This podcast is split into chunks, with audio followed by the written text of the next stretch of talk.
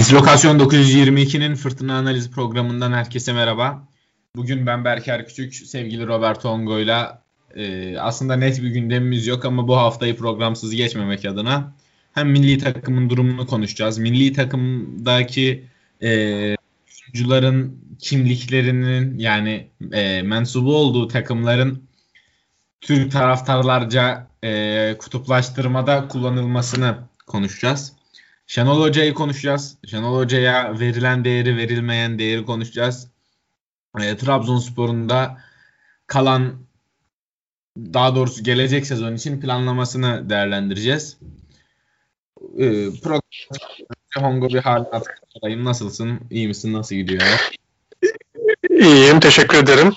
İyi gidiyor. Yani genelde Trabzonspor'la beraber iyi gidiyor derdik. Bu sefer de milli takımla beraber e, iki maçta 6 puan. Açıkçası keyifli oldu bu haftanın futbol gündemi. İyi yani her şey. Sen de iyisin umarım. Ben de iyiyim. Futbol zaten hayatımın ciddi bir kısmını e, endekslediğim bir alan. Onun haricinde de güzel gidiyor. Problem yok. Yani problemler varsa bile atlatıyoruz diyeyim. Ee, ilk olarak ben bir milli takımı ufak değerlendirmek istiyorum iki maçı baktığımızda iki maçta da %40'ın e, altında topa sahip olduk. Ee, Norveç maçında belki biraz üstüne çıkmışızdır ama net bir şekilde rakibin topa sahip olduğu iki maç oynadık ama top rakipteyken bile hani ben bilmiyorum biraz ağır mı kaçıyor buraya bu ifade ama topa sahip olmamasına rağmen e, orada iktidar, oyun iktidarını elinde bulunduran taraf olduk. Yani başka bir kelime de bulamıyorum. Diğer spor yorumcularına bakıyorum. Onlar da bence bu konuda bir kelime bulamıyorlar. Topu bırakmak, topu bırakıyor mu, topa sahip mi oluyor? Hani topa sahip olan taraf mı karar verici, topu bırakan taraf mı? Ee, ben bu konuda iktidar kelimesini kullanıyorum ama biraz ağır kaçabilir.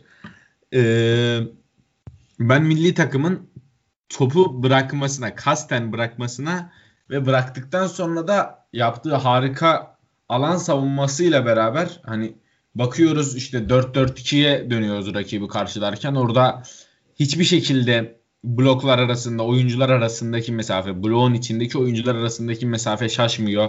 Bir oyuncu öne e, basmıyor hiçbir şekilde. Bloklar beraber öne çıkıyor geri çekiliyor.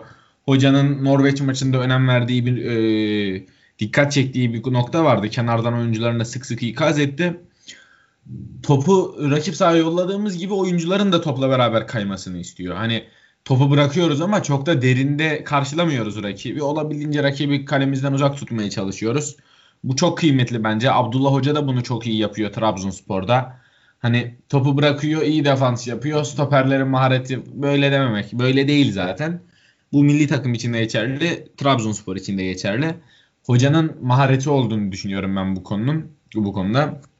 Ee, öne geçtikten sonra iki maçta da golü erken bulduk ve kontrol oyununu, denge oyununu harika oynadık. İş bitiren oyuncularımız da var. Hani baktığımızda ilk maç 5 5 isabetli şuttan 4 gol, Norveç maçında da 3 isabetli şuttan 3 gol çıkarmışız. Ee, aman aman rakip kaleyi dövmüyoruz ama işte oyuncularımızın meziyetli olması ve hocanın yaptığı basit hücum planları. Ben buna çok e, dikkat çekmek istiyorum. Hani savunmayı oturttuktan sonra ve iyi de oyuncuların varsa bu basit hücum planlarıyla beraber başarıyı getirebiliyorsun. Basitten kastım hani çok da küçümsemek için söylemiyorum bunu. Basit olması bence daha kıymetli. Hani oturup set çizemezsin milli takımda. O kadar çalışma fırsatın yok. Basit planlarla rakibi e, çökertmeye çalışırsın. Örneğin mesela bunu tweette attım. E, Hollanda maçında Hollanda'nın sol stoperi Blind ve sol beki Wendell. Bu oyuncular 1.80 ve 1.76 e, hoca maç başı sol kanatta oynatıyordu Kenan'ı. Baktı ki öne e, baktı ki bu oyun biraz daha uzun topa hani oyunu topa sahip olmayacağız. Kenan'ı sağ kenara aldı. Wendell'la eşleştirdi. Burak'ı da biraz o tarafa doğru kaydırdı. E, Blind ile eşleştirdi. Hiçbir şekilde Deli Git'le eşleştirmemeye çalıştı hücum oyuncularımızı. Ve yanlış hatırlamıyorsam e, evet 7 7 hava topu kazandık o bölgede. O sol stoper ve sol beke karşı 7 hava topu kazandık. Bunda tabii ki Uğurcan'ın ayaklarının çok temiz olmasının da bir etkisi var.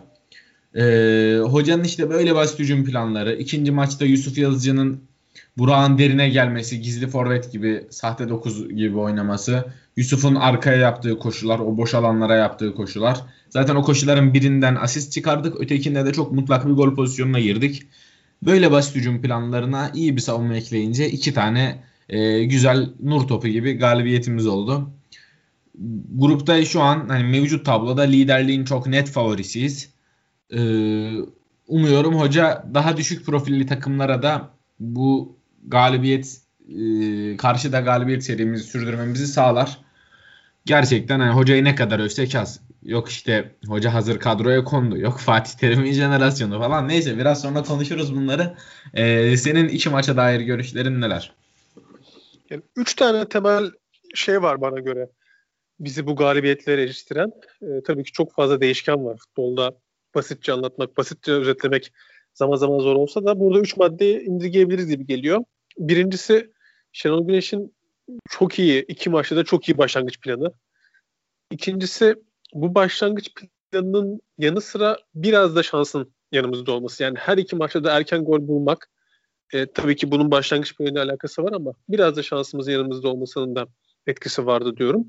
Üçüncüsü de Okay gibi, Burak gibi, Yusuf gibi, e, Umut gibi bir takımın büyük çoğunluğu gibi e, yurt dışına gittikten sonra orada futbollarını olgunlaştıran e, bir takım iyi yaptığı işlerin sayısını arttıran yani mesela Burak'ın elbette biz patlayıcılığını biliriz. Burak'ın e, hücum presini de biliriz ama Burak'ın duvar olduğu, dönen topları kovaladığı, e, işte daha sık alver yaptığı, zaman zaman o topa koşan değil de o topu atan oyuncu olduğu e, şeyleri bilmiyoruz. O tip stratejileri olduğunu bilmiyorduk. Muhtemelen bu Lille'le beraber gelen bir e, ekstra katkı onun için oldu ve diğer bütün oyuncuların da e, yurt dışı görerek e, burada dediğim gibi taktik stratejiye çok iyi kalma bir de oyun departuarlarını geliştirme avantajları vardı. Ben özetle bu üç maddeyi söyleyebilirim her iki maçında. E, burada hemen Trabzonspor için daha önce seninle konuştuğumuz bir şey vardı. Yani bizim yurt içerisinden daha önce işte e, 1461 Trabzon türü bir e, örnek var önümüzde. O tip bir e, pilot takım yerine bir şekilde oraya bir maliyet ayırarak e, yurt dışında en üst kademede olmasa bile bir alt kademede oynayacak oradaki yabancı hocalarla veya orada yabancı hoca değil ama yabancı eğitim almış oradaki futbolu orada öğrenmiş oyuncu, e, hocalarla çalışma imkanı sağlayacak bir yapıya ihtiyaç var. Çünkü bu yapının ne kadar belirleyici olduğu ve ne kadar e, oyuncuya katkı verdiğini biz çok sık görüyorduk ama bu maçta e, bu iki maçta tam olarak e, karşımıza çıktı. Yani burada üç tane şifre varsa ben birazı şans, Şenol Güneş'in müthiş oyun planı ve dediğim gibi e, yurt dışında oynayan oyuncuların oyun olgunluğunu söyleyebilirim. Katılıyorum e, söylediklerine. Bu oyun olgunluğu, yurt dışında oynayan oyuncuların e, varlığının şu anki takımın durumuna da çok ciddi şekilde tesiri olduğunu düşünüyorum ben. Yani baktığımızda e, Ozan Tufan ve Uğurcan hariç kalan 9 oyuncu da ilk 11'deki e, yurt dışında oynayan oyuncular. Ben yani hiç zannetmiyorum ki burada kalsalar aynı kalitede olurlardı ki sanmamakta değil bu. Herkesin aynı fikirde olduğunu düşünüyorum. Hani Yusuf Yazıcı tamam kendini geliştiriyordu, vizyonerdi falan filan ama bu kadar da e, yani alt işte futbol oynayanlar bilir altyapıda da olsa hocalar işte sürekli ne der? E, top sürerken havaya bak, yere kafanı öne eğme, kafanı öne eğme. E, arkadaşlarını gör, çevre kontrolü yap, pas opsiyonlarını iyi gör. İşte bu şekilde hani oyuncuların zekasını kullanmasını isterler ve Yusuf bunu en iyi şekilde, en üst seviyede yapan futbolcu bence şu anki milli takımda. Dünyada da belki bu konuda çok iyi. Yani bu aklını kullanmak, zekasını kullanmak konusunda çok iyi olduğunu düşünüyorum işte Cruyff'un da dediği gibi hani bir tak benim oyuncumun çok koşmasına gerek yok. Doğru zamanda doğru yerde olsun ve oyun aklını katsın yeter. Ee, o yüzden ben Yusuf'un da diğer oyuncuların da oyun aklının çok daha öteye gittiğini düşünüyorum yurt dışına giderek. Bu yüzden hani bu yabancı sınırı falan filan en azından e, bence hiçbir zaman olmamalı da şu an neden tartışma değeri taşımıyor? Ee, Çünkü ülkemizde futbolcuları köreltiyoruz. Ülkemizdeki futbolcuları ne zaman köreltmemeye başlarız? O zaman deriz ki tamam biz bu adamları kendimiz geliştirebiliyoruz. O zaman e, kendi ligimizde kalsınlar, kalitesini artırsınlar ligimizin. Ben yine aynı ben yine bunu savunmam ama bu fikri savunana saygı duyarım. Ama bu haliyle e, yabancı sınırının karşısında olanlara en azından bu fikirlerine saygı duymuyorum. Umarım anlatabilmişimdir e, meramımı. Konuşmamızı istediğim bir diğer konu e, milli takımdaki işte oculuk, buculuk, Trabzonspor'un oyuncusu, Fener'in oyuncusu, Beşiktaş'ın oyuncusu, e, herkesin bir kendine yontma çabasını görüyorum. Burada Beşiktaşlıların öyle bir durumunu görmedim açıkçası. Rıdvan Gerçi... onlar da, onlar da Rıdvan'a takmış durumdalar. Ha, doğru doğru doğru. Onların da görmüş olduk. Baktığımızda yani Trabzonsporlular ve Fenerbahçelilerin maçtan önce Uğurcan mı Altay mı Uğurcan mı Altay mı diye kora kora acayip bir şekilde tartıştığını gördük ki hani şunu söylemeliyim. Bu, burada bir fikir beyan etmek gerekiyorsa e, Uğurcan bir senedir falan milli takıma çağrılan daha fazla hatta 2019'un Mart'ında ilk kez çağrıldı diye hatırlıyorum. Bir e, iki senedir milli takıma çağrılan bir oyuncu. Altay ise ilk defa A milli takıma çağrılıyor. Mert'in oynamayacağını varsayıyorduk maçlardan önce ki öyle de oldu.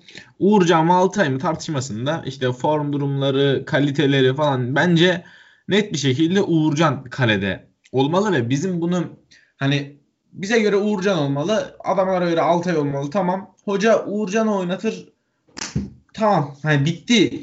Bunun tartışma değeri yok artık. Hoca Uğurcan'ı oynattı. Bu bu kadar şey bir karar değil e, skandallı bir karar değil yani. Bu kadar üstüne tartışılacak bir karar değil. Hollanda maçında golü yediğimiz gibi Twitter'a var ya Twitter'da işte arama çubuğuna e, o, o kelimenin içinde geçtiği tweetleri görebiliyorsun. İşte 6 ay yazdım. En son tweetlere bastım. Hemen onlarca tweet. Oradaki o sayfada onlarca tweet 6 ay olsa tutardı. 6 ay, 6 ay olsa tutardı. Bahsettikleri pozisyon da kale sahasının içinden adam e, çok acayip bir dönüşlü acayip bir vuruş. Saçma bir gol yani e, kesinlikle hatalı diyemezsin ama öyle tetikte bekliyorlar ki birilerinin hatasını kendi futbolcularının rekabet ettiği futbolcunun hatasını öyle bekliyorlar, bekliyorlar ki öyle çirkinleşiyorlar ki milli takımı izlerken bile kutuplaşıyoruz. Ben burada sadece Fenerbahçelilere hedef almıyorum. Bunu yapan Trabzonsporlular da var. Ee, işte Uğurcan'ı oynatmazsa Şenol Güneş'in ismini staddan silelim diyenler de var. Ee, ben hani fikrimi soracak olursanız Uğurcan'ın oynaması çok net bir şekilde gerekiyordu. Hoca da oynattı. Uğurcan da alnının akıyla çıktı buradan. Ki bence değerine değer katarak çıktı. Ee, onun haricinde işte başka tartışmalar da oluyor. Yok işte Uğurcan, Yusuf, Okay, Burak dördü de Trabzon'da oynamış oyuncular. Şenol Güneş de Trabzonlu. Şenol Güneş niye Trabzonluları oynatıyor? Fatih Terim, Galatasaraylılar ne alakalar şu an hiçbir fikrim yok. Fatih Terim'in jenerasyonu falan diyorlar. Yani Fatih Terim'in jenerasyonu dedikleri de şey Serdar Aziz sakatlanıyor. Ligde doğru düzgün stoper yok. Fatih Terim ikinci ligden Çağlar çağırıyor. Çok güzel bir hareket. Hiçbir şey demem. E, Çağlar uçuyor e, o kampa. Sonra yine uçarak geri dönüyor. E, İzmir'e Altınordu takımının kampına geri dönüyor. E, Fatih Terim Çağlar'ı milli takıma kazandırmış oluyor. Ya buna inanıyor musunuz arkadaşlar? Bu size mantıklı geliyor mu ya? Yani Galatasaraylılardan bilmiyorum zannetmiyorum bizi dinleyen vardır ama hani nasıl bir mantığın sonucunda bu cümleyi kuruyorsun? Nasıl, anlamsız ya. Hani Fatih Terim orada Çağlar orada uçup geri dönmeseydi Freiburg'a transfer olmayacak mıydı? Sonra Freiburg'da patlamayı yapıp oradan e, Leicester'a transfer olmayacak mıydı?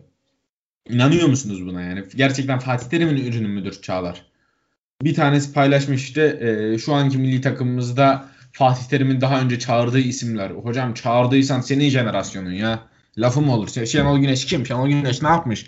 Senin jenerasyonun ya. Ya böyle bir mantık var mı Allah rızası için? Şenol Güneş yani ne yaptı size? Bu kadar bu adamın başarısını hazmedememeyi ben anlamlandıramıyorum. Bir mantıkla açıklayamıyorum. En sonunda şey dedirtiyorlar bana bu adam Trabzonlu diye hazmedemiyorlar. Çünkü başka mantıklı bir açıklaması yok. Başka mantıklı bir açıklaması olsa diyeceğim tamam ondandır. Hani biz yine kuruntu yapmayalım. Trabzonlu olmasıyla alakası yok ama bunu de dedirtiyorlar bize yani. Ee, ben Şenol Hoca'nın çok başarılı bir teknik direktör olduğunu düşünüyorum. Türkiye'de hani çok tarihini en azından e, eski teknik adamları bilmiyorum ama Türkiye'nin en iyi teknik direktörü olduğunu düşünüyorum. Başkası Fatih Terim'in en iyisi olduğunu düşünebilir. Hani kesinlikle saygı duyarım. O çünkü başka bir açıdan bakıyordur. Ben derim ki Şenol Güneş gerekli şansları bulsaydı çok daha fazlasını başarırdı. İşte ben o şansları bulmamasını, hak ettiği değeri, hak ettiği fırsatı görmemesini seviyorum. Bu yüzden en iyisi olduğunu düşünüyorum derim. Başkası da der ki Fatih Terim şunları şunları kazanmış. Ona da saygı duyarım. Ee, ama ben bu Şenol Güneş'in başarılarının hazmedilememesini siline çok sinirleniyorum. Yani en fazla sinirlendiğim olay olabilir şu futbol e, alanında. Neyse biraz uzun fazla uzun konuşmuş oldum. Senin bu kutuplaşmaya yönelik görüşlerin neler? Şimdi senin değindiğin noktalara e, teker teker değinmeye çalışayım. Ben de arada kaçırdığım olursa e, sen hatırlat bana. Öncelikle e, önceki konumuz üzerinden devam edelim. Yurt dışında oyuncularımızın fazla sayıda oyuncumuzun olmasının elbette bu tecrübe işte bir e, Avrupa eğitimi en azından futbol anlamında o tip bir eğitim görmüş olma, o oyunu olgunlaştırmasından bahsettik. Bir yandan şöyle bir artısı oluyor. Eskiden çok daha büyük tartışmalar çıkıyordu. İşte Fenerbahçeler, Galatasaraylar, Beşiktaşlar çok daha büyük bir e, kavga ortaya çıkıyordu oyuncular bazında. Şimdi oyuncuların tamamı işte ilk 11'e çıkan oyuncunun 3 tanesi Lille'de oynuyor. Doğal olarak Lille deyip kavga edemiyorsun. İşte Şenol Hoca Lille'i tutuyor falan deyip kavga edemiyorsun. Öyle olunca sadece iki isim üzerinden kavga çıkabildi. Çünkü yani Ozan'ın yeri de garanti. Ozan da tartışılacak bir oyuncu değil. Ee, bence o mevkinin Türkiye'de en iyisi. Daha önce de söylemiştim onu. Hani ondan bir iki tık altta birkaç oyuncu var. Bizim parmak falan onlardan biri. Onlar biraz belki oraları falan onun tahtını e, sarsacak oyunu belki ileride oynarlar ama şu aşamada Ozan zaten hocanın da çok iyi tanıdığı biri.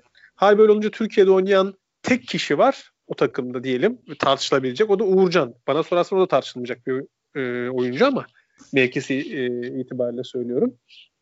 E, oradan başladı tartışma. Fenerbahçe, Trabzon ve işte e, Uğurcan ve Altay. Altay, Uğurcan çok önde Altay'a göre.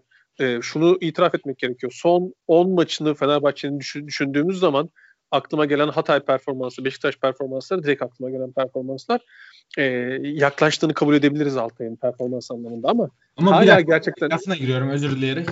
ee, Beşiktaş maçı diyoruz. Tamam kesinlikle çok iyi kurtarışlar yaptı ama o maçta bile adamın e, hatalı yediği bir gol var. Hani Uğurcan onları kurtarınca üstüne geldi deniyor. Hani kafayla vida attı ya.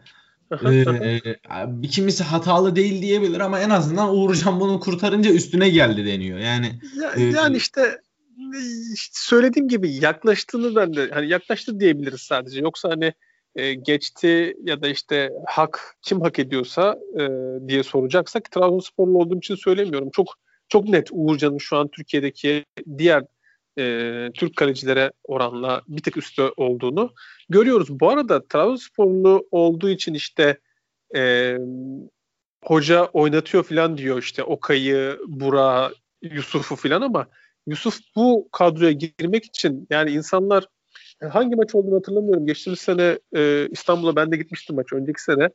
E, Yusuf diye e, tribünler bağıra bağıra Yusuf'u oyuna sokturlar. İstanbul'da 1-0 yani kazandığımız... Saraçoğlu'ndaki. Evet evet Kosova maçı olabilir. Maçı olabilir. Ha, 1-0 kazanmıştık o maçı ama yani e, bütün tribün Şükrü Saraçoğlu'nda bağıra bağıra Yusuf'u oyuna aldırdı Şenol Hoca. Şenol Hoca bunu yapan birisi ki Şenol Hoca 2003 yılında Antep'te çok iyi bir sezon geçirmişti Fatih Tekke. Yine ben dönüp dolaşıp Tekke'ye geleceğim. Çok iyi bir sezon geçirmişti Tekke. Ee, önceki senede. Sonra e, Trabzonspor'a geri döndü. İkinci dönüşü 6 aydan sonra ikinci dönüşü. 30 maçta 15 gol attı. 2003 2003 senesinde kadroya giremedi. Yine Şenol Hoca'ydı şey antrenörümüz. Kabul ediyorum çok iyi rakipleri vardı. Nihat o sırada yeni gitmişti İspanya'ya. İlhan Mansız işte e, iyi bir Dünya Kupası geçirmişti. Hakan Şükür vardı. Tamam iyi rakipleri vardı ama Fatih Tekke'yi e, almadı bu adam. Yani Trabzonlu deyip Trabzon'un en yıldız oyuncularından birini oyuna alabilir de dördüncü forvet olarak. Orada üç tane oyuncudan bahsediyorum işte şimdi Nihat Hakan İlhan. Dördüncü forvet olarak almadı oyuna. Yani aksine böyle dememek için Şenol Hoca'nın çok defa harcadığı oyuncu vardır. Baksınlar önceki senelerde Şenol Hoca geldiği zaman hangi Trabzonlu oyuncular almış? Ya. Bir, Gökden, bir Gökdeniz yanlış hatırlamıyorsam e, bir iki e, işte hatta başka yok ben hatırlamıyorum yani. Tamam hani e, Transpor'unda belki orayı hak edecek o, o sırada oyuncuları da belki yoktur ama e, Şenol Hoca bunun aksini yapan birisi. Yusuf, Abdülkadir falan hani bayağı bileğin hakkıyla falan milli takıma gelen oyuncular. Hiç kimse e, bunu söylemesin. Yani e, ve Şenol Hoca e, Türkiye'nin bence de en iyi hocalarından biri. Zaten hani iki tane e, hocadan bahsedebiliriz. Biri Fatih Terim, öbürü e, Şenol Hoca. Fatih Terim'in şu konuda hakkını verebiliriz. Yabancı sınırı konusunda işte aslında kendisi yerli sınırı diyerek getirdiği e, çok iyi bir sistem vardı. İyi de çalışılmış bir sistemdi. Oturmadı, oturtamadılar, uygulanamadı. Ama e, eğer bugün çok fazla sayıda lejyoner oyuncu gönderebiliyorsak Avrupa'ya ve başka işte e, liglere e, bunda Fatih Terim'in e, ciddi etkisi var. Ama Tabii. ama şimdi Çağlar örneği üzerinden senin bugün işte attığın tweette mentionladığın arkadaş çok zorlama olur. Yani e, ben e, az çok Altın Ordu'dan yolu geçmiş birçok oyuncu çıplak gözle defalarca izlemişimdir. E, Çağlar e, çok netti hani e, yurt dışına gideceği. E, Freiburg sürekli olarak ilgileniyordu. Transfer sürecini çok iyi biliyorum. E, 3 milyon civarı, 3 milyon euro civarı e, Freiburg verdi o zaman. E, Beşiktaş işte Fikret Orman girdi. E, daha azına Fikret Orman'ın teklifi kabul edildi ama Fikret Orman o sırada hatırlarsın onlara böyle bir şey vardı onun taksitli alma gibi bizim Ahmet Ağaoğlu'nun ilk zamanları gibi bir huyu vardı böyle. 9-10 taksit istedi. 2.6'ya mı 2.5'a falan anlaştılar. Hani Almanya gitmesi yerine önce Beşiktaş'a gelsin Beşiktaş'tan Avrupa'ya gitsin diye konuşuldu. E, 8-10 taksit, taksit isteyince Fikret Orman e, Seyit Mehmet Özkan masadan kalktı. Yoksa e, işte Beşiktaş yapıp e, gidecekti. Ne yaptı? E, biraz daha fazla para Freiburg yapıp gitti. Zaten onun yeri Freiburg'da değildi, Beşiktaş'ta değildi. Bugün nasıl top oynadığını görüyoruz şeyde, Leicester'da. Ya şimdi zaten hani alt liglerde çok net, hani tabi Buca alt liginden gelmedir bu arada Çağlar. Çok net oyuncuyu e, yani Fatih Terim çağırdı diye de bu dallandırmanın anlamı yok çünkü bunun mantığı yok. Ama işte hani bir şey yap, yapılması lazım. Şimdi bir Galatasaraylı bu milli takıma baktığı zaman neyle övünecek? Bir şey yok. Abi övünmelerine gerek çok ya böyle bir ihtiyaç yani yok. Yok bence de ama hani işte öyle bir kulüpçüyüz ki hani bu takıma bak eskiden şunu övünüyordu. Diyordu ki hani işte bizim UEFA kupası kadromuzu aldı, aldık oldu gibi milli takıma falan tamam okey yani işte bir, bir kulüple bağdaştırıyor o e, övgüyü ya. Şimdi buraya baktığı zaman övecek bir şey bulamayınca Fatih Terim'e gidiyor. E bir Beşiktaşlı e, keza öyle övecek yani kendi oyuncusu anlamında bir şey göremeyince işte neden Rıdvan yoktu diyor. E yoktu Rıdvan çünkü Rıdvan'ın işte iki gün önce bizim maçtan bir gün önce e, U20 performansına baksınlar. E, yok işte hani hala bu seviyelerin oyuncusu değil. E, bu yüzden yok. E, yani burada işte şöyle bir sorun ortaya çıkıyor. Takip ediyor musun bilmiyorum. E, zaman zaman anket yapıyorlar. Bu e, Emrah Safa Gürkan diye bir e, tarih çok severim. E, şey, o mesela ara ara böyle anketler yapar. Bir de şey var. E, bu yemek şeyi Vedat Vedat Milor da zaman zaman anket anket yapıyor. Anketlerde hep bunların dalga geçtiği bir şey var.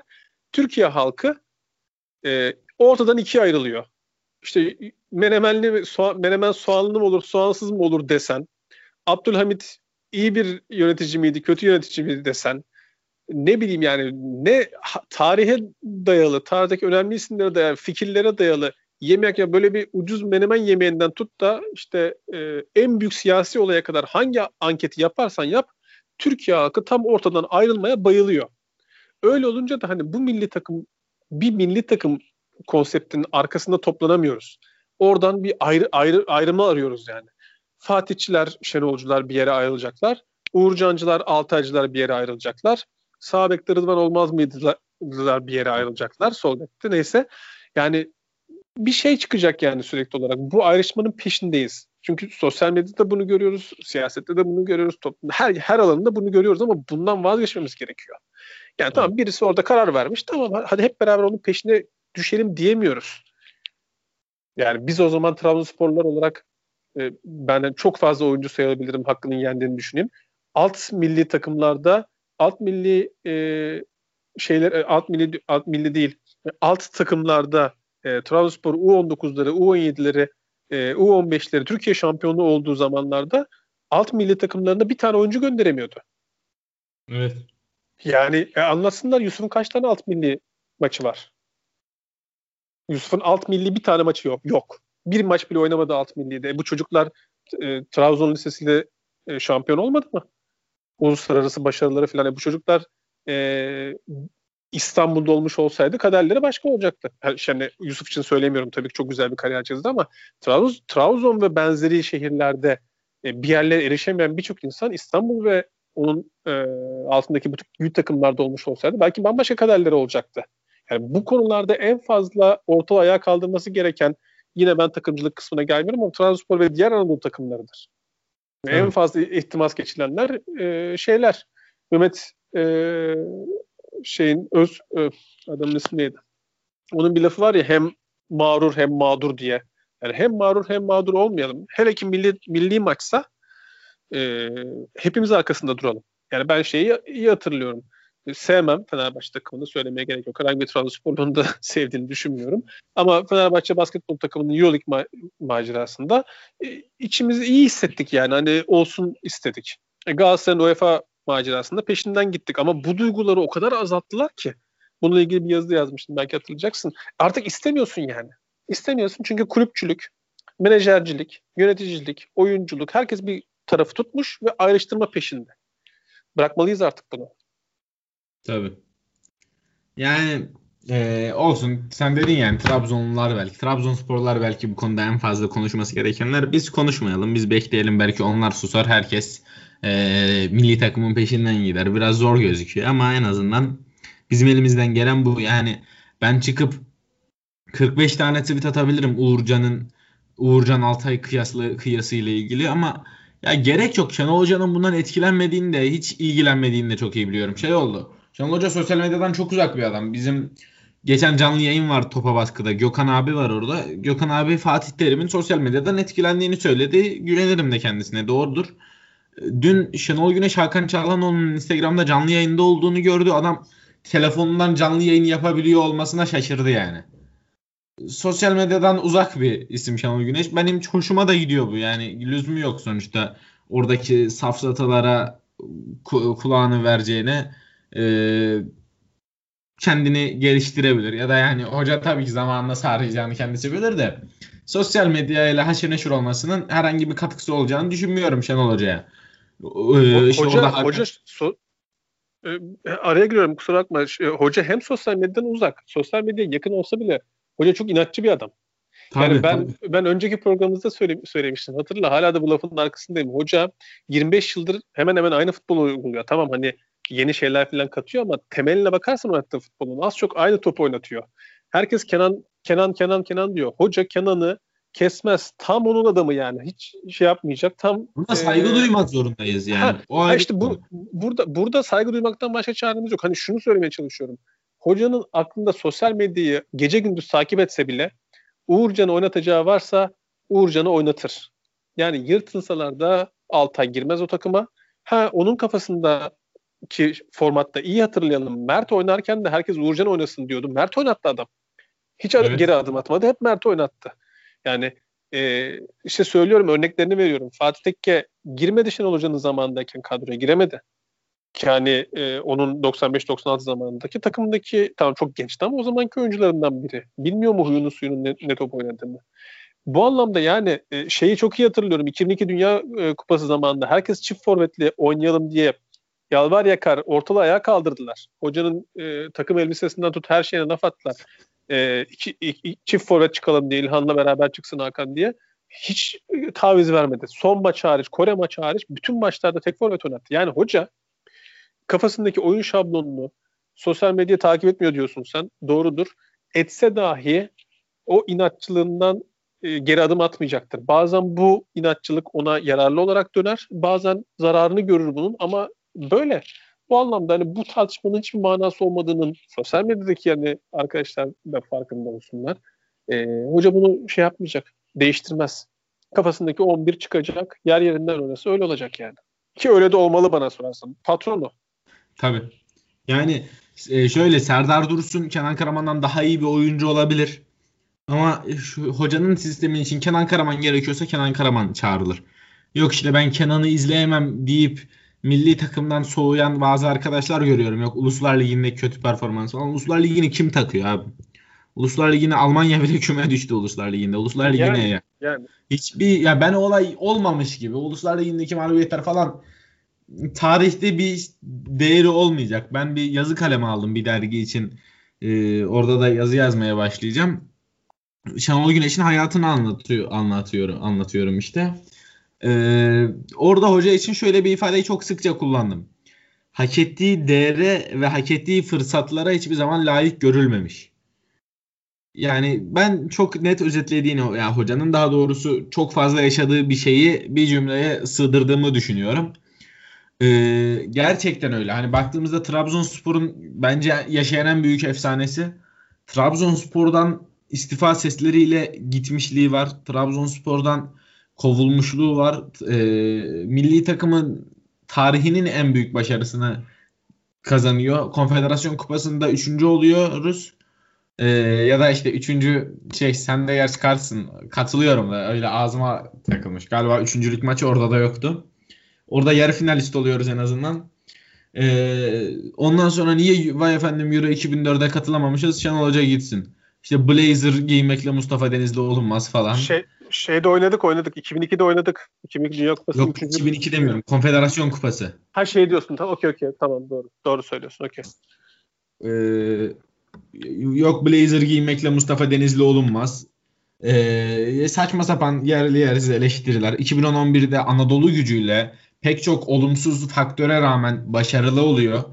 Ee, Ersun'un kurduğu takımın başına geçti. Hazıra kondu deniyor. O takım kendisinden önce dökülen bir takımdı. Onu aldı işte oradaki oyuncuları diriltti. Diriltti gerçekten. Selçuk İnan'ı, Burak Yılmaz'ı, Ceyhun Gülselam'ı, Umut Bulut'u, e, kariyerinin kalanında kimsenin verim alamadığı Jaja'yı, Onur Kıvra, Tolga Zengin'i, başka Giray Kaçar'ı, belki Serkan Balcı'yı hatta onunla da etkisi vardı. Egemen Korkmaz'ı. Yani bu isimleri hakikaten en azından o o sezondan önceki bir iki sezonu yok bu adamların.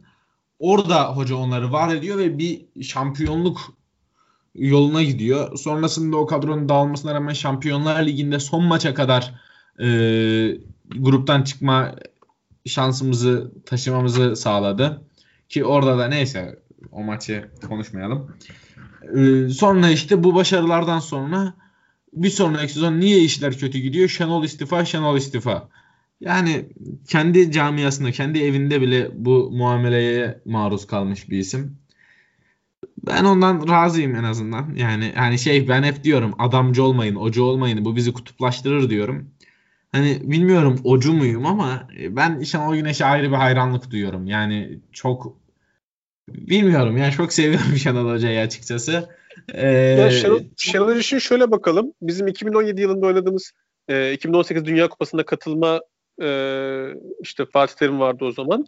Ukrayna'nın altında bitirdik. Yanılmıyorsam üstümüzde Hırvatistan, Ukrayna ve İzlanda çıktı. Evet. Yani buradaki takımdan tamam bazı e, yani o takımda mesela Yusuf vesaire yoktu. Şimdi gençlerden bazıları yoktu ama baktığın zaman buradaki o geniş kadro e, düşünüldüğü zaman bu takım o takımdan çok daha iyiydi. Buradaki oyuncular oradaki oyunculardan çok daha iyiydi diyemeyiz. Ama hoca devraldıktan sonra yani milli takım anlamında artık dibe vurmuş bir milli takım devraldı. Ee, bizim e, Avrupa Şampiyonası'na katılım gruplarında oynadığımız maçlar bence e, Türkiye'nin ben hep şunu iddia edeceğim. Hani bu kadar fazla maç izledim. Türkiye milli takımı üzerinde söylüyorum. Daha önce yazdığımda bir iki defa da söylemişimdir. Bizim e, Fransa maçımız, içerideki Fransa maçımız yani izlediğim en iyi e, milli takım taktiksel anlamında ve oyuncuların stratejiye bağlı kalmaları anlamında. Dikkat edelim yani 2017'de oradan alıp da Dünya Kupası'na katılamayan Ukrayna'nın, İzlanda'nın, Hırvatistan'ın altında bitiren takım Fransa ile kafa kafaya oynadı. Son Dünya Kupası şampiyonunda kafa kafaya oynadı. Grupta 3 tane gol yedi. Onu da yanlış hatırlamıyorsam bir tanesi deplasman 1-1 e, Fransa maçında Fransa'dan yedi. E, yersin bir zahmet. İki tanesi de İzlanda'dan yedi deplasmanda. Yani iki maçta sadece gol yedi. Galiba. İki maçta sadece gol yedi İzlanda'dan. iki sene önce o İzlanda o grubu şampiyon bitirdi. İzlanda, işte, Fransa, Ukrayna, Türkiye diye. Yani e, şimdi e, böyle bir takım. Bu arada hani bu maçlarla birleştireyim buradaki yorumu. Hoca e, gol yememeyi sen Abdullah Hoca'ya benzettin. Evet. Öncelikli şey olarak koyuyor. Aradaki şeyi saymazsak, Uluslar Ligi'ni saymazsak biz bu maçlara da aslında bakarsan gol yememe stratejisiyle çıktık. Yani önceki amacımız defansif e, faaliyetler, defansif formasyondu. E, bakma bir 3 bir 4 gol attığımız ama gollerin şekillerine bakarsan e, işte 3 tanesi falan duran top değil mi? Üçü duran top. E, iki tanesi uzaktan şut. Kalan iki tanesi e, organize atak. Yani baktığın zaman buradaki o 7 gol, 2 maçta 7 gol yanıltmasın bizi. Yine e, bu takım muhtemelen defansıyla, savunmasıyla ayakta kalacak bir takım. Bunu da sağlatan Şenol Hoca'dır. Ne zamandan beri? Devraldığından beri aradaki şeyi saymazsak. O anlamda çok özel e, bir süreç geçiriyor şu an milli takım. Tabii. Ya ben şeyi çok isterdim ya. Hocanın bir Avrupa kulübünü çalıştırmasını çok isterdim. Bilmiyorum görecek miyiz öyle bir şeyi. Yani görmeyiz diye tahmin ediyorum. Hoca milli takımı bırakmaz. Milli takımla kulüp takımında aynı anda çalıştırmaz artık. Yoruldu. Emin değilim Umuyorum. hocanın dil konusunda e, ne kadar şey. Yani bizde biraz daha önce konuştuk bunları. Şenol Hoca bilmiyorum e, dil dil hakimiyetini. E, bizde eksik noktalardan bir tanesi iyi dil konuşan e, teknik direktörler. E, Hocanın benim, dili var galiba ya. Yani şöyle e, onu yani bilmiyorum denk gelmedim. Benim çok denk geldiğim İrfan Buz'u falan gördüm. Çok iyi bir İngilizcesi var. Çok iyi akıcı bir İngilizcesi var. Onun haricinde e, yani yeni nesilden vardır tahmin ediyorum. E, Fatih Hoca'nın işte e, biraz şey de olsa var e, var. Karik, karik, ya, karikatürize değil evet. Var. Yok var canım hani o var. O anlamda hoca bu saatten yani bu, bu yaştan sonra büyük ihtimalle zor olacaktır. Ama ben de çok isterdim. Bir Kore macerası var işte. Ee, kısa bir Kore macerası var. Onun haricinde keşke bir Avrupa takım yapmış olsaydı. Ya hocanın dili var mı yok mu? Benim de çok net bir bilgim yok ama şu dünkü basın toplantısında işte tercüman biraz zayıftı İngilizcesi anladığım kadarıyla. Hoca soruları anladı yani. En azından o, o yer soruları ben de anladım ama anlıyorum ama konuşamıyorum. yani e, bilmiyorum hocanın İngilizcesi ne seviyededir ama isterdim yani güzel olurdu. Şenol Hoca başta. Güzel olurdu. Ben yani Şenol Hoca'dan e, Letonya maçlarına bağlayayım. Bugün onunla ilgili daha önce de bir, bir iki defa e, tweet atmıştım. Bugün de öyle bir tweet attım. Eğer e, biz 2003'te e, Kasım ayında işte iki maç oynadık Letonya'yla e, yükselme maçları. E, eğer onları biz geçseydik ben şu iddiadayım. Tabii bu iddianın e, tartışılabilir bir iddiadır. Çok abartıyorsun bana diyebilirsin. Türkiye futbolunun tarihi çok başka yazılırdı. Eğer Letonya maçlarını alsaydık. Ben şunu çok iyi hatırlıyorum. Çok güçlü rakipler vardı. İspanya falan da ikinci olmuştu. E, o sene e, 2004'e katılma mücadelesiydi işte. İspanyalar, İspanya, Hırvatistan falan vardı. Çok güçlü rakipler vardı ikincilikte. En böyle şey görünen e, biz bunu aşağı al aşağı deriz falan. Bir Macaristan vardı. Ya Macaristan ya Makedonya. E, yani çok iyi yanımsayamıyorum. Galler falan vardı herhalde. Letonya vardı. Fanatik gazetesi bir başlıkla çıkmıştı. O zaman tabii ağırlıkları çok daha fazlaydı. Bu tip sosyal medya falan şey yokken fanatik foto maç çok daha ağır şeylerdi. Tam sayfa Çek bir Letonya diye, kura öncesi Çek bir Letonya diye bir e, başlıkla çıkmıştı. E, ikinci günde Letonya'yı çekince kuradan biz, ikinci günkü başlığı da çekti vallahi diye bir başlıkla çıkmışlardı.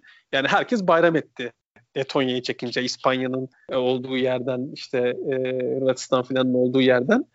E, ama o takım o Letonya çok zor gol yiyen bir takımdı. İyi hatırlıyorum onları. İşte yazıyorum Verpakovskis vardı. Sonra bir arkadaş hatırlattı. Emre işte o da e, sıkı Galatasaray'da sıkı takip eder. İşte bu Parham falan onları hatırlattı. Çok iyi bir takımdı o. E, bütün gruplar boyunca 6 gol falan yemişti. 5-6 gol yemişti. Çok iyi takımdı. Ve e, deplasmanda mağlup olduk o takıma. 1-0. E, Emre kırmızı kart görmüştü. E, Rüştü cezalı duruma düşmüştü. İkinci maç 2-0'a getirdik ama 5 e, dakikada 2 e, gol attılar. 2-2 ile elendik. Hep şu iddiadayım. Eğer e, o işte fanatiğin de böyle bir aşağılaması Çekle Tonya'yı da hani geçelim falan turu. Belki oyuncularımız da çok böyle küçük gördü. Başka işte başka böyle bütün şanssızlıklar falan oldu. Eğer orada o turu geçmiş olsaydık Şenol Hoca milli takıma e, devam edecekti. Kulüp takımlarında başka bir hikaye olacaktı bana sorarsan. Yani böyle anlar vardı ya ülke futbollarında. Onlardan biriydi. Şimdi Letonya maçına şuradan bağlayayım istedim. Bu Letonya maçı da o anlardan biri. Çok önemli bir maç. Yani çok iyi geldi 2'de 2. Yani Hollanda artı Norveç'i yeniyorsun. Ee, 6 puan. E şimdi denize geçip derede bo- boğulmamamız gerekiyor. Buraya 3'te 3 ile başlarsak Avrupa Şampiyonası'na çok e, moralli, çok güçlü gideriz. Çünkü araya şampiyona girecek biliyorsun bu Covid yüzünden. E, daha sonrasında işte şampiyona bittikten sonra da e, 9 puanla taptaze güzel bir start olmuş olacak. Bizim elimizi çok e, kuvvetlendirir. Umarım Letonya maçında da bir son dakika kazası yaşamayız diyor. E, çok isterim öyle bir sorun olmasın. Yani umarız tabii. Ee, hocanın biraz öyle bir problemi var kariyerinde. Hani kazanması gereken e, favori olduğu maçları kazanamamış. Biraz araştırınca gördüm onu. Daha da eskiden işte 95-96'da Altay'ı mı yenemiyoruz? Van Spor'u mu? Van evet, galiba. Va- Van'ı ama o maç hani şey bir maç ya. Yani e, izlesen e, ben bilmiyorum görüntüleri var mı? Bir daha da izlemem görüntüleri çünkü e, kaldıramam o görüntüleri. Yani ol, yani olmayacak maçlardan biri aklına e, tek kale olup da gol atamayan takımların tamamını getir ve onun üzerinde bir maçtı. Yani girmedi o kaleye e, o top. Hmm. Van maçı öyleydi. E, şey işte Fenerbahçe maçı içerideki Fenerbahçe maçı falan 95-96'da sıkıntılıydı.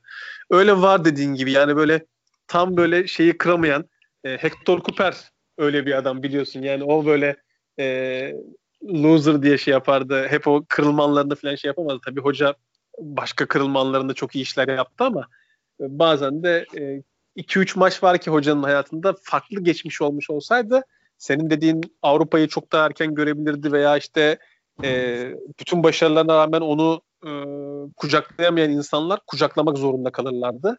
Ama evet. hayat hayat böyle bir şey. E, şeyle beraber mağlubiyetlerle, galibiyetlerle, zaferlerle beraber var yani. Olsun. Ben onu bu haliyle seviyorum yani. Tabii hep, hepimiz hepimiz öyle. Yani böyle olmasaydı bilmiyorum bu kadar sever miydim. Hoca ha, haklısın. Haklısın. Ya şey olur böyle çok e, faça dedikleri bir şey vardı ya faça olacak biraz böyle yani böyle inanılmaz bir e, güzellik sanat eseri gibi bir güzellik beklemiyoruz. Biraz insanın hayatında faça olacak. Şenol Hoca'nın da birkaç façası var işte yani. Aynen. Ee, o zaman buradan noktalayalım biz milli takım sohbetimizi ve son olarak Trabzonspor'un gelecek sezonki planlamasını konuşalım. Çünkü lig ilerlerken bunu pek konuşmak istemiyorum. Hani hem kimsenin odağı kaymasın o sonuçta maçlar devam ediyorken gelecek sezona biz de bahsetmiş olmayalım istiyorum. Ama milli ara varken hazır bir konuşalım. Ee, sana göre Trabzonspor'un net takviye yapması gereken bölgeler neresi? Ve hani şu o isim gelse ligimizden olsun lütfen. Ee, şu isim gelse de fena olmaz dediğin isimler var mı? Ben e, şunu söyleyeyim. Uçağın bana sorarsan gövdesi tamam gibi görünüyor. Bunu zaman zaman başlar sonrası da ister istemez oraya kayıp konuşuyoruz. Yani kale e, işte Uğurcan'ın gidişi sonrası böyle birkaç kaleci falan konuşulmaya başladı. Hiç gerek yok. Yani umarım adım bile atmazlar. Her kuruş e, boşa akmış olur. Çok iyi bir kaleci ekibimiz var. E, Ercen'in potansiyelini az çok farkında insanlar. Girdiği maçlarda çok iyi işler yaptılar. Onlar bir Alanya maçı tamam hani uyudu falan ama genelde karşılığını verdi. Erce e, birçok insanın düşündüğünden çok daha iyi bir kaleci. Hiç merak etmesinler. Arda'yı zaten biliyoruz. Gencecik maçında çıktı Galatasaray deplasmanında vesaire. Kaan işte fena değildi. Son maçta Muhammed var. Bu anlamda hiç gerek yok. Kale, iki stoper. Umarım Edgar'ı falan göndermek gibi bir hata yapmayız. Önünde işte e, öyle ya da böyle Berat Parmak, Bakasetas, e, işte Yunus Bakasetas'la beraber orada. Belki Ömür orada işte 8 numara veya 10 numara orada, oralarda oynayacak. Bu anlamda uçağın gövdesinin tamam olduğunu düşünüyorum ama uçağın kanatlarında sıkıntı var. Her iki bek bölgesinde problem var. E, Marlon hadi idare ettik desek ama Marlon'u yedekleyecek veya Marlon'un önüne geçecek birine ihtiyacımız var. Sağ bek kesinlikle ihtiyacımız var ki e, olması gerekiyor. Ben şu iddiadayım. E, söylüyorum zaman zaman Vaka ve Eku çok iyi oyuncular ama ikisi de hocanın tarzı değil. E, bu anlamda hani ilk 5 desem bana sağ bek, sol bek, sağ açık, sol açık ve forvet hattı derim. Bunları e, sırala dersen önce sağ bek, sonra forvet, e, sonra bir sol bek, işte sonra da o iki açık e, sağ ve sol açık derim. Yani ben 5 e, tane net transferin e, ihtiyacımız net transfer ihtiyacımız olduğunu düşünüyorum. Ben bakıyorum şu an notlarıma. Evet ben de 5 transfer demişim. Evet 5 transfer. Yani şöyle kaleci konusunda sana katılıyorum ama şey hariç, Erce hariç yani sen de e, takip ediyordun Süper Lig'e çıkmanın öyle ben etmiyordum. Erce'nin net bir konsantrasyon problemi var. Ben birinci kaleci olarak pek iyi olacağını düşünmüyorum Erce'nin. Yani Trabzonspor özellikle Abdullah Avcı'nın istediği felsefeyi oturtması durumunda topa %60, 65 sahip olan rakibe e, az pozisyon veren ve o pozisyonlarda da yüksek konsantrasyona sahip kalecisiyle işte ya da savunmasının kaymasıyla falan kalesini gole kapayacak bir takım haline gelecek. Ben Erce'nin o hani az pozisyonlu maçlarda sıkıntı yaşayacağını düşünüyorum. Erce biraz şey kalecisi. Kurtardıkça kurtarır, kurtardıkça kurtarır kalecisi evet, gibi evet. geliyor bana. O e, az pozisyonlu maçlarda konsantrasyon eksikliğinden dolayı sıkıntı yaşayabiliriz. Ama ben yine kaleciye ihtiyacımız olmadığını düşünüyorum. Ben Arda'yı çok beğeniyorum. Tabii tabii. Geçen tabii. sezon U19 maçlarını izliyordum. Orada gayet iyiydi. Ee, ben hatta acayip bir ayağının Uğurcan'ın ayağı iyi. O, o konuda bir şey demiyorum. Uğurcan'ı yermek için söylemiyorum. Arda'nın Uğurcan'dan da iyi olduğunu düşünüyorum ayak hakimiyeti konusunda. E, kaleciliğiyle de ilgili problem yok. Yan toplarında bir zaaf var mı? Hani Uğurcan kadar değil tabii. Zaten Uğurcan kadar olmasını beklemeyelim ya. Hani ama e, yan toplarında da öyle aman aman çok zayıf diyemeyiz. E, o yüzden kaleye ben bir takviye gerekmediğini düşünüyorum. E, Uğurcan. Ama Uğurcan dedim. Ey gidi. Ey gidi. Hemen gönderdim adamı ben de. E, Arda Arda, Erce, Kaan bir de şey Taha Tepe. Kaan'ı işte dördüncü kaleci olarak sayalım yine. Taha Tepe e, bu üçü götürür kaleyi diye düşünüyorum. Sen dediğin gibi Hugo Edgar tamam. Berat oradaki derin oyun kurucu tamam. Orta sahada bana katılmayacaklar olabilir. Fazla yumuşak olur diyenler çıkabilir. Ben Abdülkadir Hoca'nın orada kullanacağını düşünüyorum ve orada izlemek, izleyecek olmak bana heyecan veriyor Abdülkadir'e. Ee, daha pozisyon özgürlüğünün olduğu merkez orta saha olarak oynayacağını görmek bana heyecan veriyor. Çünkü orada nasıl bir oyuncuya ihtiyacımız var? Derinlemesine top atan. Çünkü bunu yapabilen çok oyuncu yok. Bakıstas biraz daha rakip kaleye yakın oynadığı için böyle bir meziyetini görmüyoruz fazla.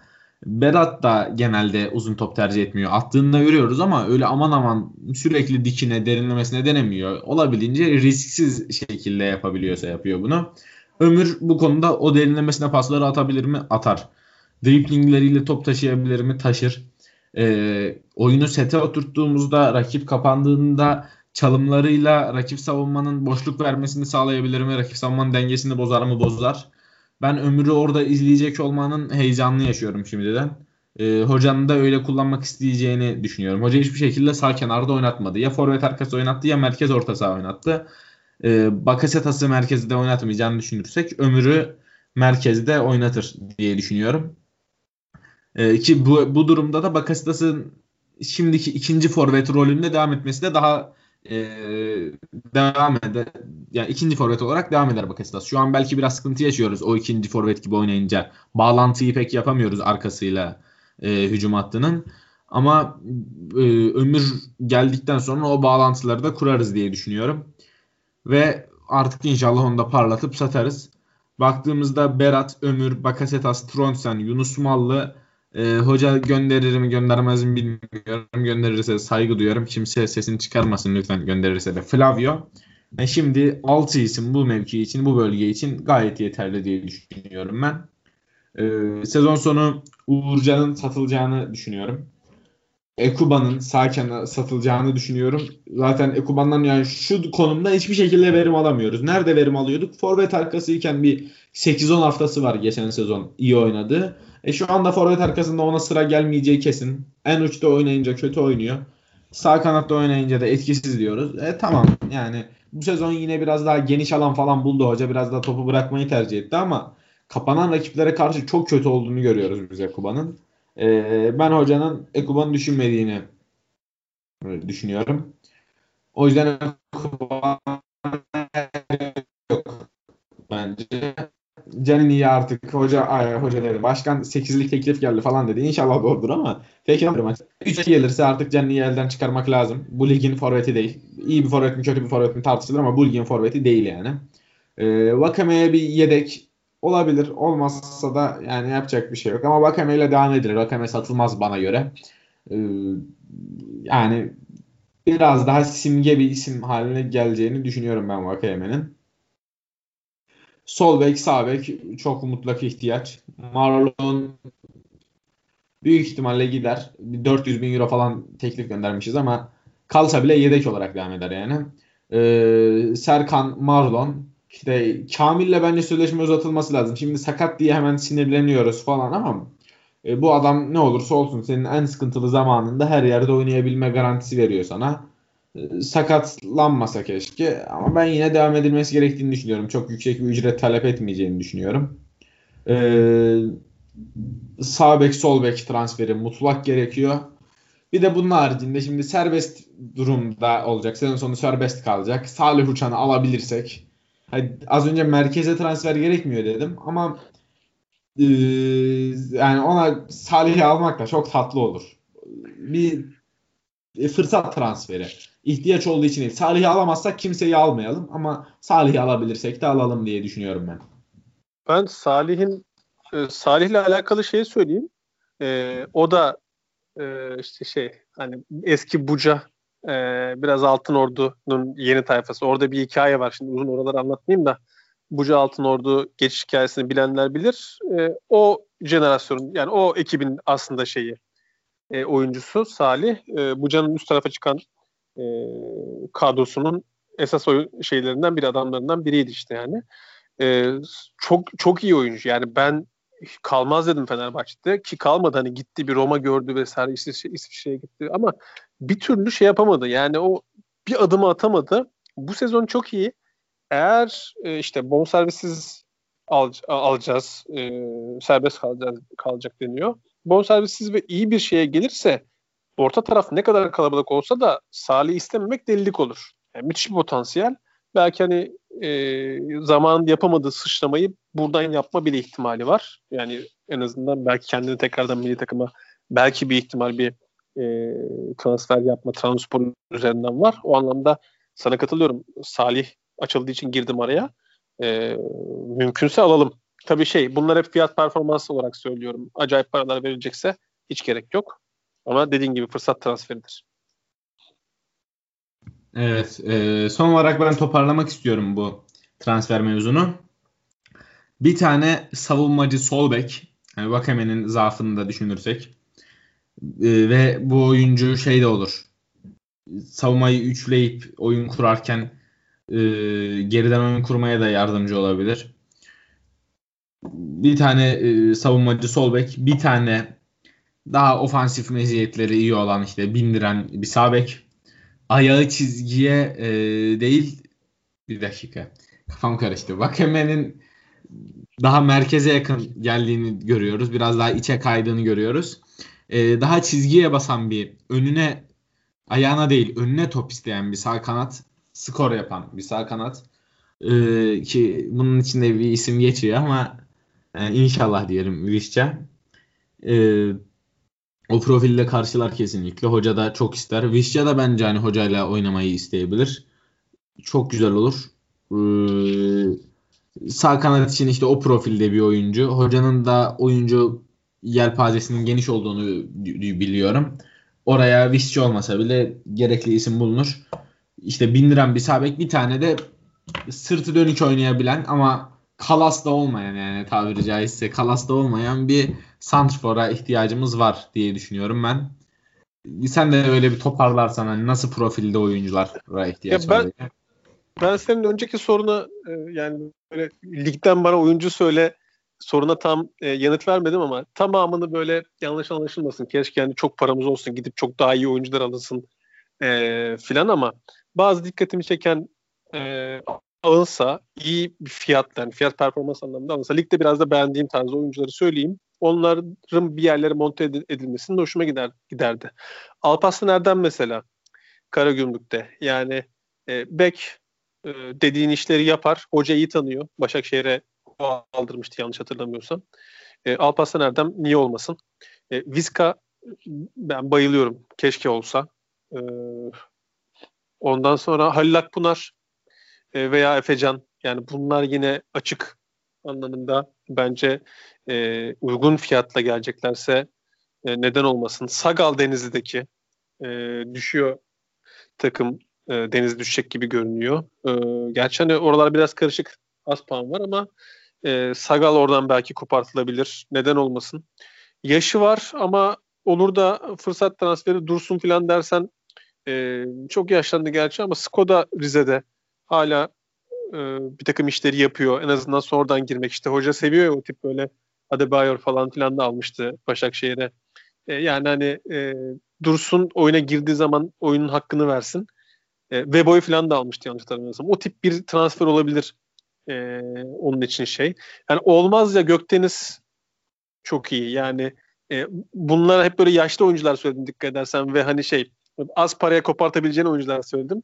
Gökdeniz o tip ona uygun bir oyuncu değil ama hani eğer para harcanacaksa Gökdeniz için harcanabilir. Sivas'taki şey Max Gradel yani bana sorarsan müthiş bir kalite. Yaşı var ama uygun fiyata alabileceksen neden olmasın. E, aklıma açıkçası hani bir çırpıda gelenler bunlardı. E, belki şey Alanya'nın forveti e, neydi o? Son haftalarda kötü Barreiro. Son haftalarda kötü ama e, Barreiro eğer hani denk gelirse neden olmasın. Ama hani e, yani dinleyenler de yanlış anlamasın. Çok paramız olsa da bastırıp bastırıp bunlardan çok daha iyilerini alsak. Ama bu ortamda Türkiye Ligi'nden koparacak olsam bir 8-10 isim saydım. Bunları e, birkaçını koparmayı isterdim yani. Ee, ben de aslında sana o soruyu sordum ama çok net isim vermedim. Evet ee, evet sonra isimleri sıraladım. Şimdi unuttum şeyi fark ettim yani cevap vermediğimi fark ettim. Sonra dedim sıralayayım. Şimdi senden alalım isimleri. Aynen. Ee, şey bizim ligden dedim ama yine tanıdığımız bir isim vereceğim bizim ligden olmayan. Umut Meraş çok iyi olabilir sol bek için. Hani bir Avrupa'da görmüş. Bence iyi olur. Ee, hocanın da isteyeceğini düşünüyorum.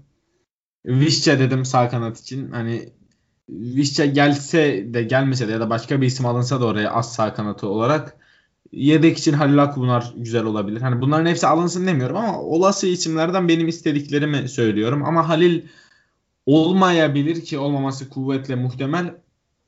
Efecan'ın bize gelmeyi ne kadar istediğini biliyoruz. Sözleşmesi de bitecek. Efecan gelir. Net gelir. Ee, başka sağ yani ligimizde zaten doğru düzgün bek yok. O yüzden bek için bir isim veremeyeceğim. Santrfor için yani Koyta'yla ben bir haber yapmıştım transfer döneminde. Koyta'yla anlaşılmıştı. Hakikaten anlaşılmıştı ama Kasımpaşa yönetiminin bir bize karşı yaptığı bir ayıp oldu orada. Benim haberimde yalan gibi gözükmüş oldu. Ama yok Koyta'yla hakikaten anlaşılmıştı. Orada Kasımpaşa yönetimi son anda yan çizdi diyeyim. Ee, Koyta gelirse hani üçüncü forvet olarak ben geleceğini düşünüyorum. Neden olmasın? Hani o kadar da ben aman aman bu ne saçma transfer diyeceğimizi düşün denecek bir isim olduğunu düşünmüyorum Koyta'nın. Ama hani alınmasa da lan niye bu boştaki adamı kaçırdınız demem. Çok da e, önemli bir isim değil bence. Alınmasıyla alınmaması arasında net bir fark yok. E, onun haricinde işte Salih'i zaten dedim keşke al, alsak. Ama yok işte kaleci için İrfan Can falan bunların hiçbiri Trabzonspor'un mevcut kaleci rotasyonundaki kalecilerden iyi değil. Onu hayır, hayır. şunu söyleyebilirim. Arda da Erce'de Muhammed Tatepe'de e, 4 büyükler Başakşehir hariç kalan işte 16 takımın e, 12-13'ünde ilk 11 kalecisi olur. Rahat söylüyorum bunu ben. Evet, evet katılıyorum. Bak Ankara gücünde şey var. E, Lovjanitse. Onu da koparsak iyi olur. Biz severiz Gürcüleri. Ee, ha, çok, çok iyi dribbling yapıyor.